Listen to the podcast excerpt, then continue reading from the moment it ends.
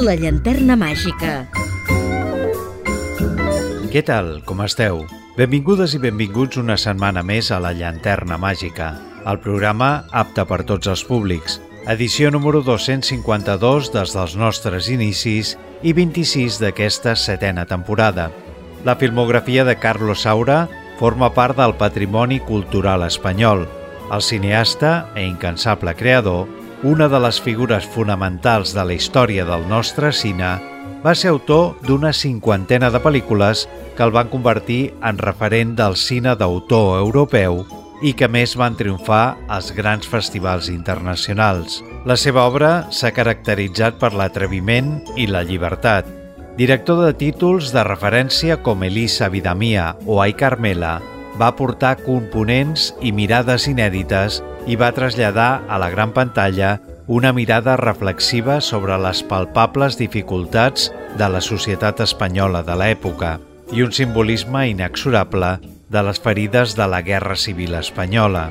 El seu darrer film, Les paredes hablan, es va estrenar tot just una setmana abans del seu traspàs, però abans d'endinsar-nos en el tema, deixem-me que us recordi que podeu seguir la nostra activitat i escoltar els darrers programes emesos a les xarxes socials. Segueix el programa al Facebook facebook.com barra la llanterna màgica. Posem a la vostra disposició una adreça de correu electrònic per si us cal contactar amb nosaltres o fer-nos arribar les vostres consultes o suggeriments. Vols contactar amb el programa? llanterna01 arroba gmail.com Ho tenim tot a punt? Doncs vinga, som-hi! La llanterna màgica, amb Jordi Terrades.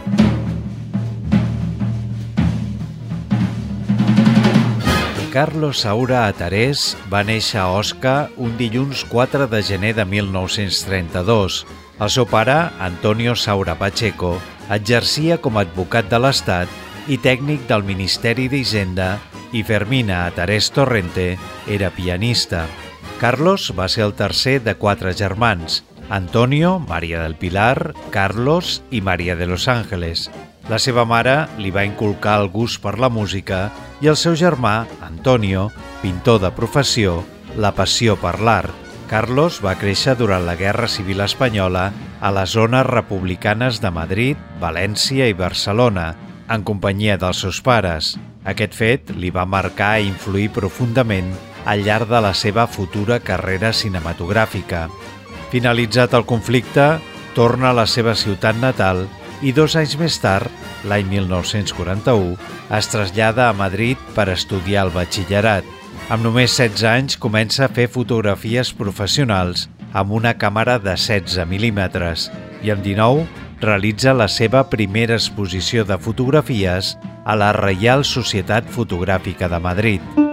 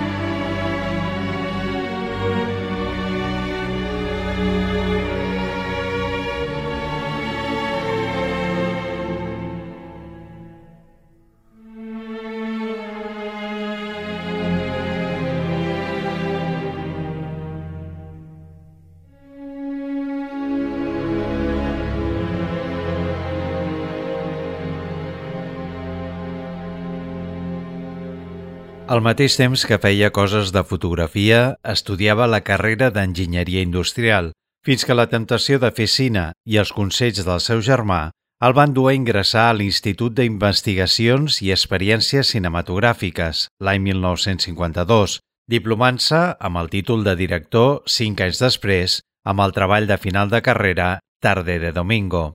Un any més tard, aquesta mateixa institució, que uns anys després passaria a ser l'Escola Oficial de Cine, el contractaria com a professor de pràctiques escèniques. El seu debut a la gran pantalla seria com a guionista i director de Los Golfos, un primer acostament a la joventut marginal espanyola. La pel·lícula va ser estrenada mundialment i exhibida al Festival de Canes l'any 1960, on va ser nominada a la Palma d'Or a millor pel·lícula guardó que finalment es va endur la Dolce Vita de Federico Fellini. La seva estrena a Espanya no es va produir fins dos anys després, patint diversos retalls de metratge per part de la censura de l'època.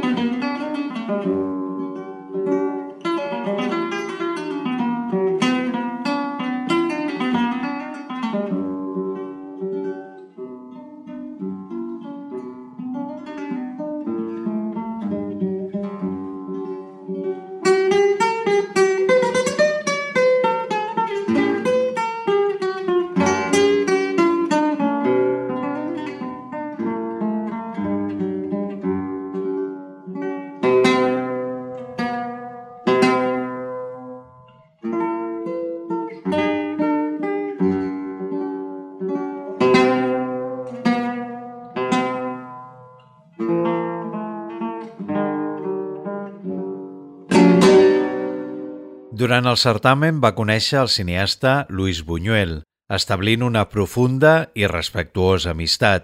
Tant era així que quan Buñuel va deixar la seva gran obra mestra, Simón del Desierto inconclusa, va proposar a Saura per continuar-la.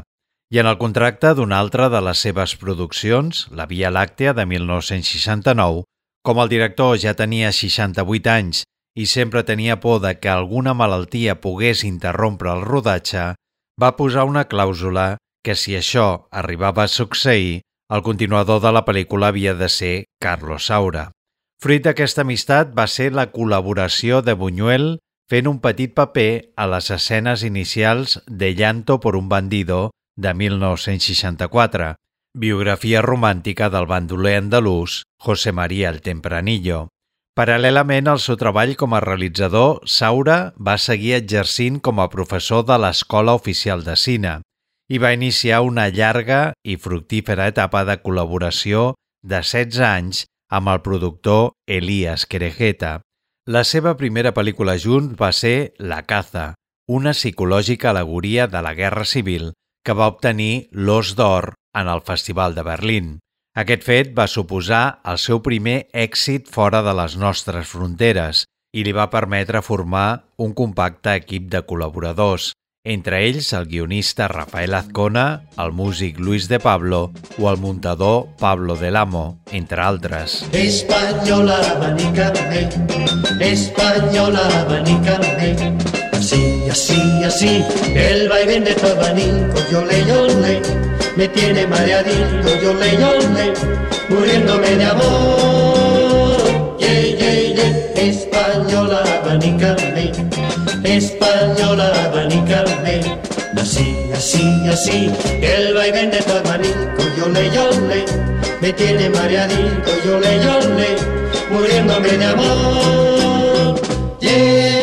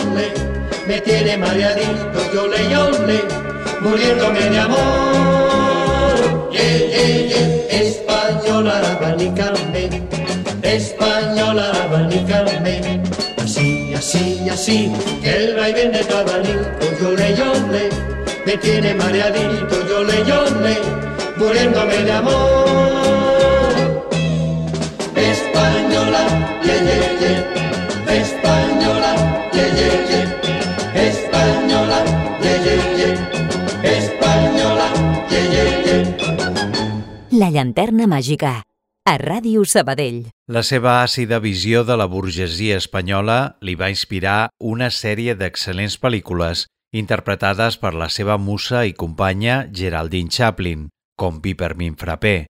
La pel·lícula de Carlos Saura formava part de la secció oficial a concurs del Festival de Canes. L'espanyol era un dels cineastes més reputats a tot el món i aquesta era el seu segon intent per aconseguir la Palma d'Or. Just quan s'iniciava la projecció, la plana major de la Novel Bach va entrar al hall del festival demanant que es cancel·lés aquella edició, una petició que van recolzar cineastes com Roman Polanski, que va renunciar al seu lloc en el jurat per la negativa de la direcció. Finalment, tots ells van entrar a la sala de projecció i ho van impedir. Saura els va recolzar ràpidament i va anunciar que cedia el seu espai a la revolució. Fins i tot Truffaut va arribar a penjar-se del taló per impedir que comencés la sessió. D'aquesta forma, Pipermin Frappé va veure sacrificada la possibilitat de guanyar la seva primera Palma d'Or i la pel·lícula quedaria marcada com la primera obra cancel·lada pel maig de 1968. Això sí, la cinta va ser guardonada amb l'Os de Plata al Festival de Berlín. Let me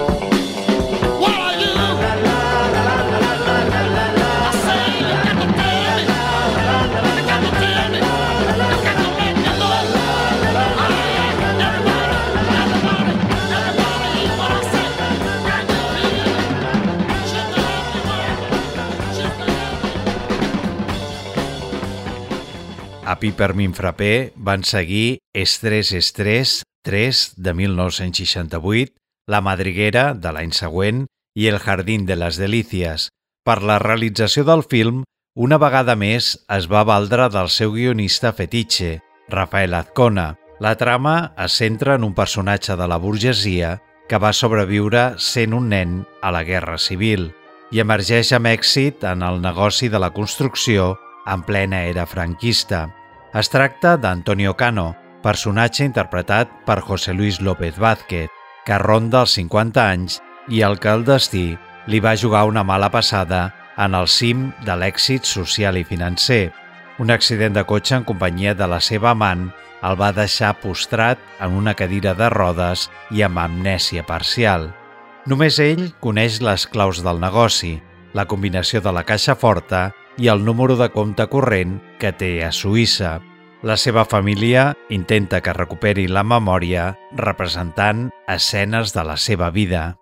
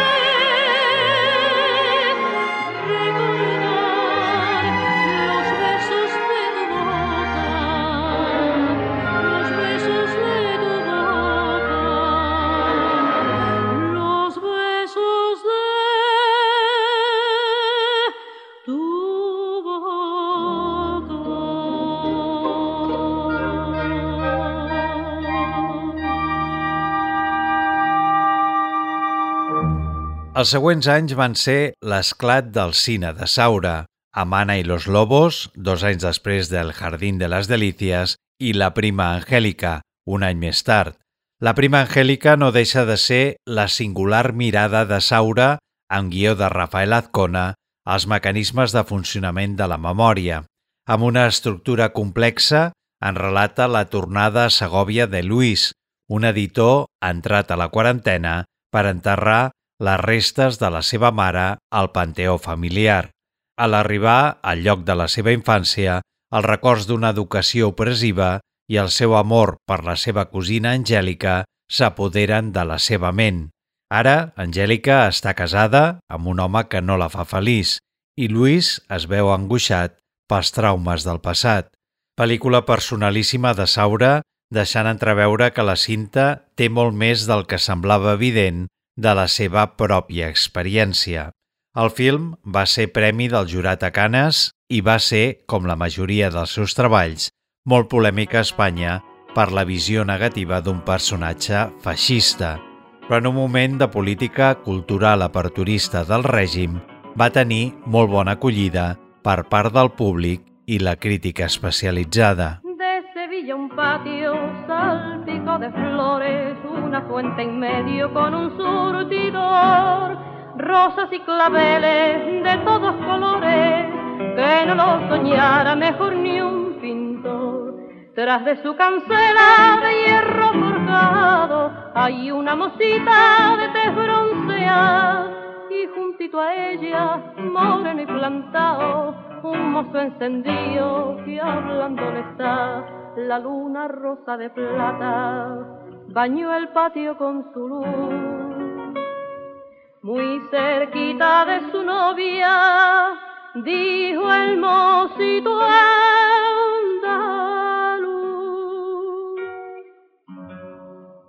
Rocío, ay mi Rocío, manojitos de claveles, capullito florecillo, de pensar en tus quereres voy a perder el sentido, porque te quiero mi vida, como nadie te ha querido, Rocío, ay mi Rocío.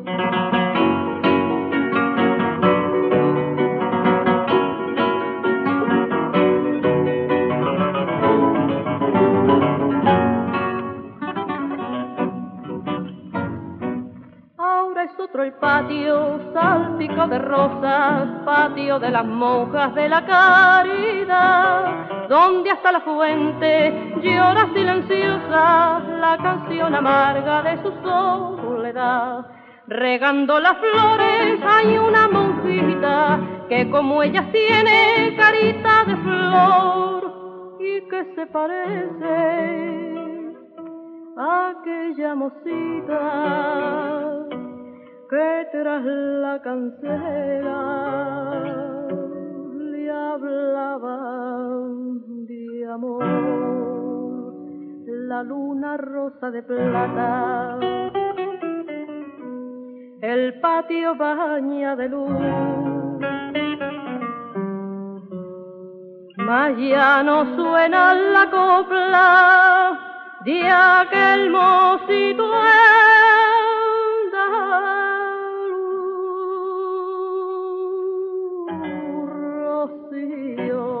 ay mi Rocío, manojito de claveles, capullito florecillo, de pensar en tus quereres voy a perder el sentido porque te quiero mi vida, como nadie te ha querido, Rocío.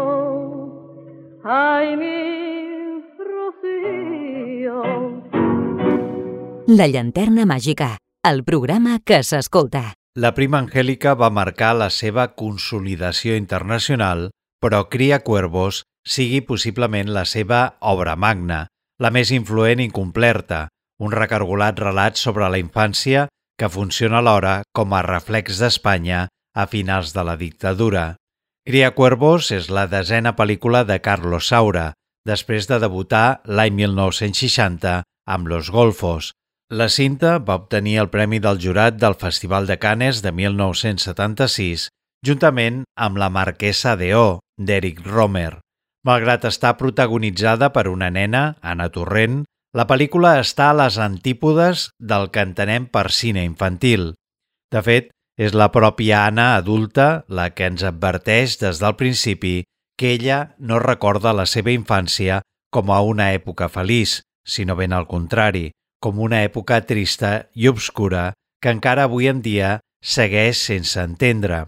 Tota la història és un flashback a la infància d'Anna, una nena taciturna que viu submergida en la vocació constant de la seva mare morta, un personatge fascinant i ombrívol que mai arribarem a conèixer del tot, ja que sempre està ficada en el seu món i mai comparteix amb ningú el que li passa pel cap.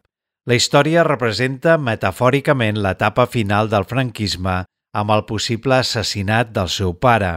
El pare d'Anna es mostra com aquella figura autoritària i ella com l'Espanya sotmesa impotent davant la seva incapacitat per desafiar el seu mandat. Hoy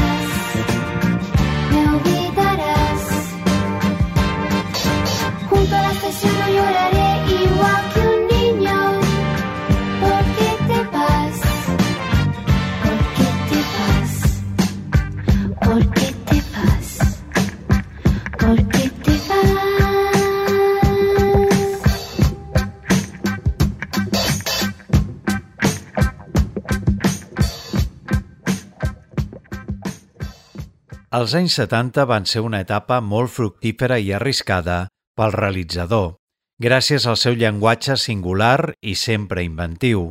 Saura es va reformar com un insòlid disseccionador dels defectes nacionals de forma onírica i molt personal. Elisa, vida mia, és el segon film de la trilogia que completen Cria cuervos i Los ojos vendados. Es tracta d'un estudi de les relacions paternofilials que li va valdre a Saura el ser nominat a la Palma d'Or de Canes. Geraldine Chaplin, la seva musa i companya en aquella època, va interpretar el paper de Lisa, mentre que el personatge del pare va ser per Fernando Rey, que va obtenir amb ell el premi a millor interpretació masculina del Festival de Canes. A punt de separar-se del seu marit, Elisa visita el seu pare per celebrar el seu aniversari en companyia de la seva germana i la seva família, a la casa de les afores de Segòvia, on viu un voluntari retir. Elisa no ha vist el seu progenitor des de fa 20 anys, ja que aquest va abandonar la llar quan ella encara era una nena.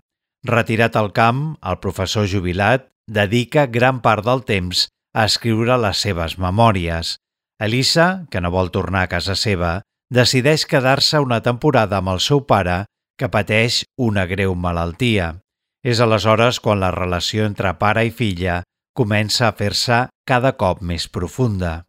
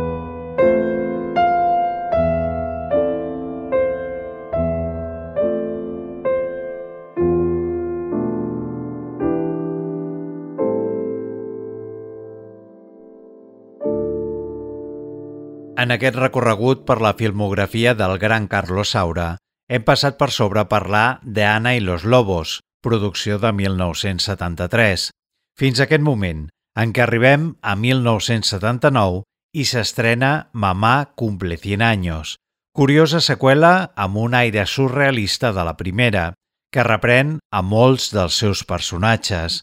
La història barreja moments hilarants amb altres més dramàtics, on les picabaralles entre familiars protagonitzen més d'una seqüència. I entremig la mare anciana, amb les seves xacres i amb un peu gairebé a la tomba, que procura mantenir la hipòcrita família unida, malgrat que aquesta no ho estigui tant. D'aquesta forma, el realitzador demostrava que era capaç de tocar un gènere tan difícil com la comèdia d'humor negre, sent un autèntic èxit i superant el milió d'espectadors a les sales d'exhibició. El film va ser nominat per l'Acadèmia de les Arts i les Ciències Cinematogràfiques de Hollywood al Premi Oscar a millor pel·lícula de parla no anglesa i també va rebre el Premi Especial del Jurat en el Festival de Cine de Sant Sebastià de l'any 1979.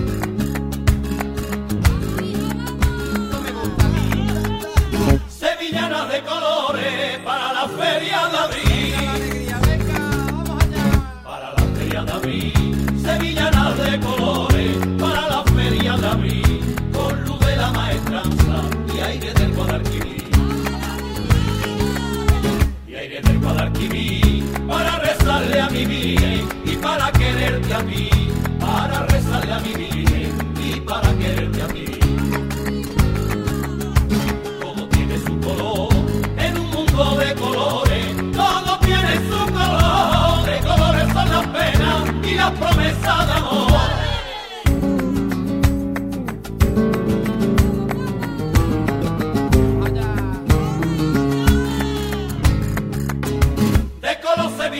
que navega por el mar, que navega por el mar, de color se viste el viento que navega por el mar. Y de color en la tarde cuando te vengo a buscar, cuando te vengo a buscar y la ceniza que vea los cariños que se van. Y la ceniza que vea los cariños que se van.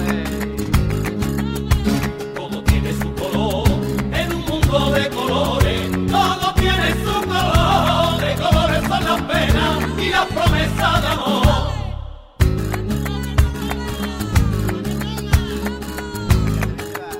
Arco iris de colores que en tu mano floreció.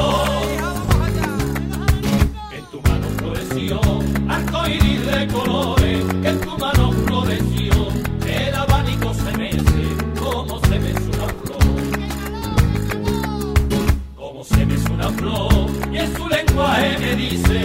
que tu boca negó. Y en su lenguaje me dice lo que tu boca negó todo tiene su color, en un mundo de colores, todo tiene su color, de colores son las penas y las promesas de amor.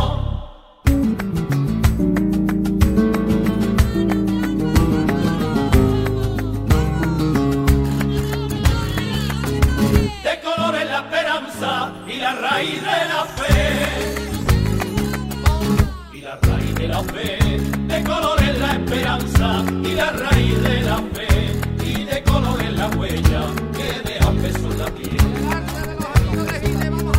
que deja un beso en la piel, y el suspiro de la niña que está empezando a querer, y el suspiro de la niña que está empezando a querer. Todo tiene su color en un mundo de colores. Todo tiene su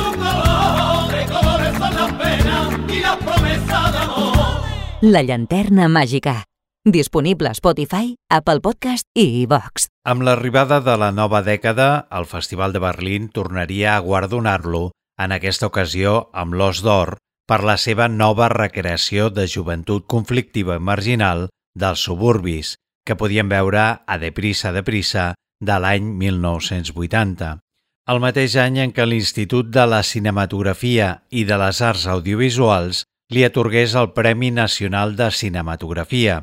Vint anys després de la seva primera producció, Los Golfos, Saura torna a tractar el món de la delinqüència juvenil, que per aquella època estava de moda en el cine espanyol, amb títols com Navajeros, de Eloy de la Iglesias.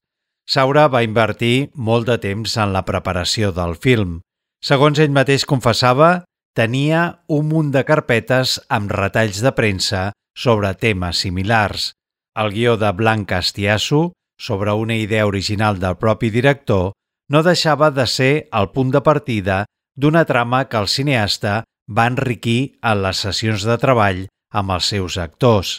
Saura, durant mesos, va visitar diferents barris buscant no només els actors no professionals més escaients, sinó que, a més, volia que fossin amics entre ells i visquessin a la mateixa zona. La cançó de Los Chunguitos, utilitzada als títols de crèdit, Me quedo contigo, es va convertir en l'emblema del que és encara avui en dia la pel·lícula, una poderosa història d'amor. Si me das a elegir entre tú y la riqueza, con esa grandeza que lleva consigo, hay amor, me quedo contigo. Si me das a elegir entre tú y la gloria, pa' que abre la historia de mí. Por los siglos hay amor, me quedo contigo.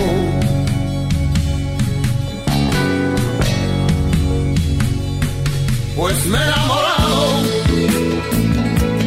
y te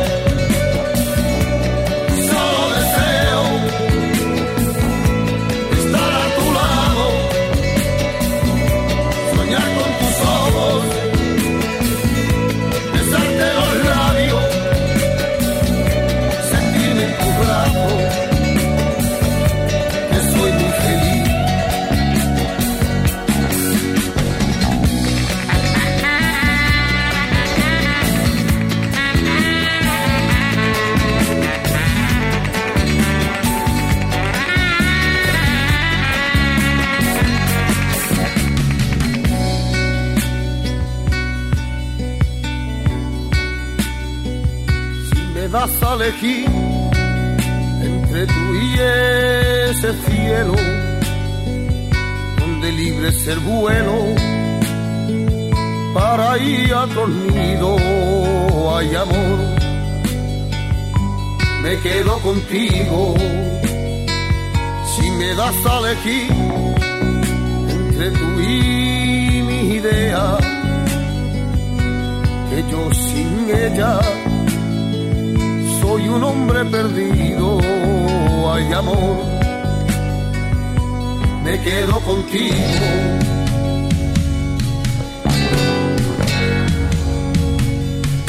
Pues me he enamorado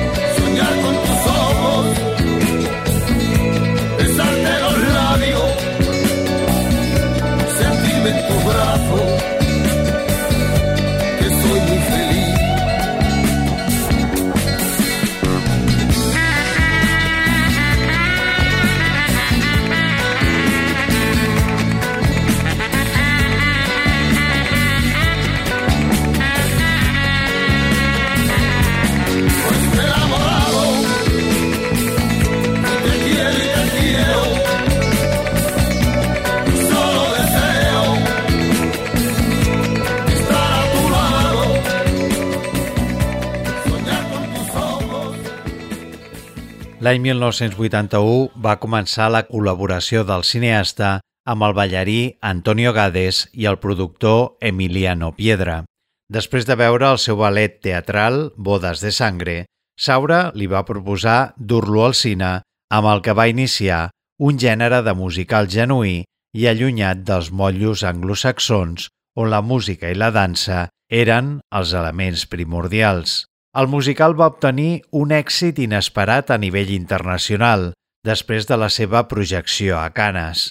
Dos anys més tard, Gades i el director tornarien a col·laborar i a trobar-se per preparar una adaptació de l'òpera de Bizet, Carmen, que ràpidament es va convertir en tot un èxit i que després de ser premiada al Festival de Canes amb el Gran Premi Tècnic i millor contribució artística, també va ser nominada per l'Acadèmia de Hollywood com a millor pel·lícula de parla no anglesa. Amb El amor brujo, tres anys després, inspirada en l'obra homònima de Manuel de Falla, el seu musical més ambiciós fins al moment, Saura va donar per finalitzada una trilogia dedicada al musical espanyol contemporani.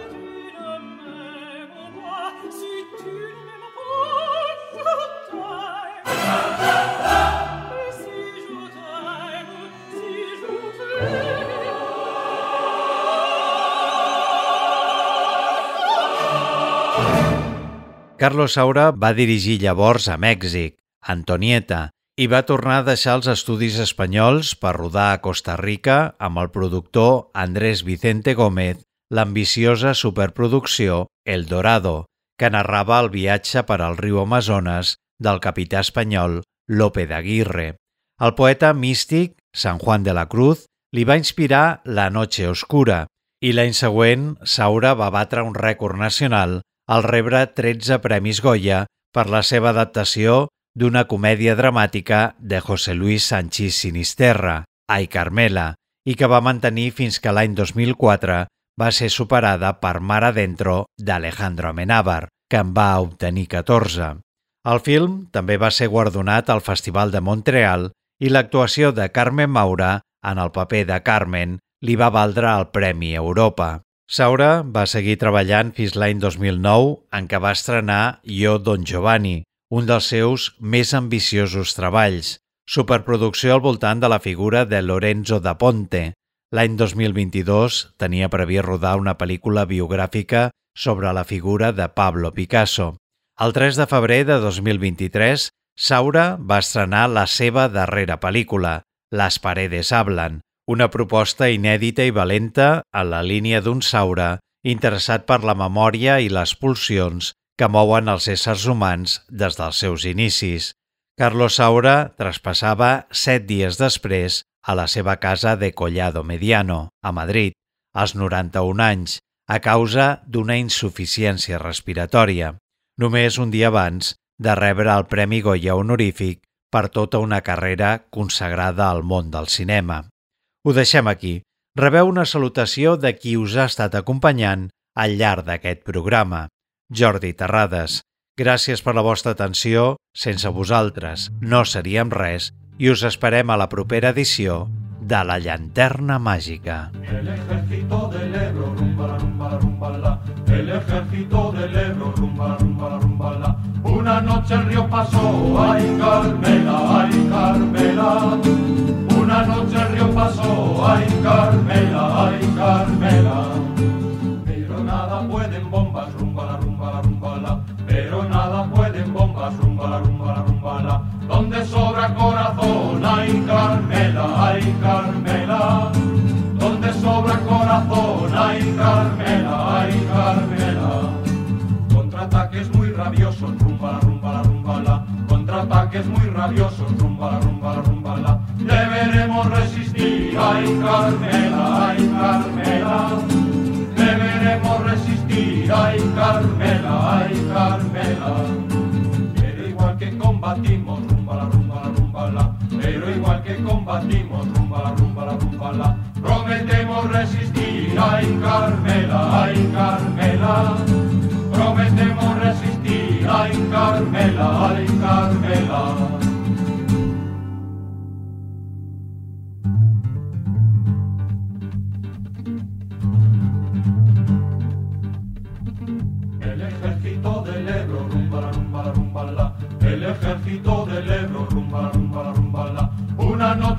Pasó, ay Carmela, ay Carmela. Una noche el río pasó, ay Carmela, ay Carmela. Pero nada pueden bombas, rumba la rumba la rumba la. Pero nada pueden bombas, rumba la rumba la rumba la. Donde sobra corazón, ay Carmela, ay Carmela. Donde sobra corazón, ay Carmela,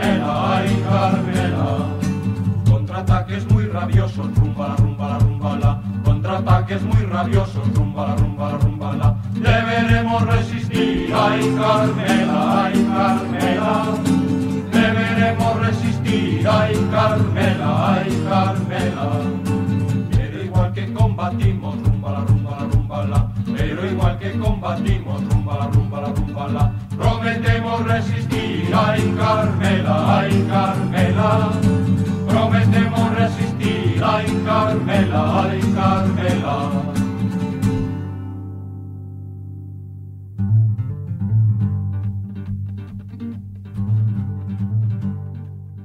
La llanterna màgica, amb Jordi Terrades, a Ràdio Sabadell 94.6.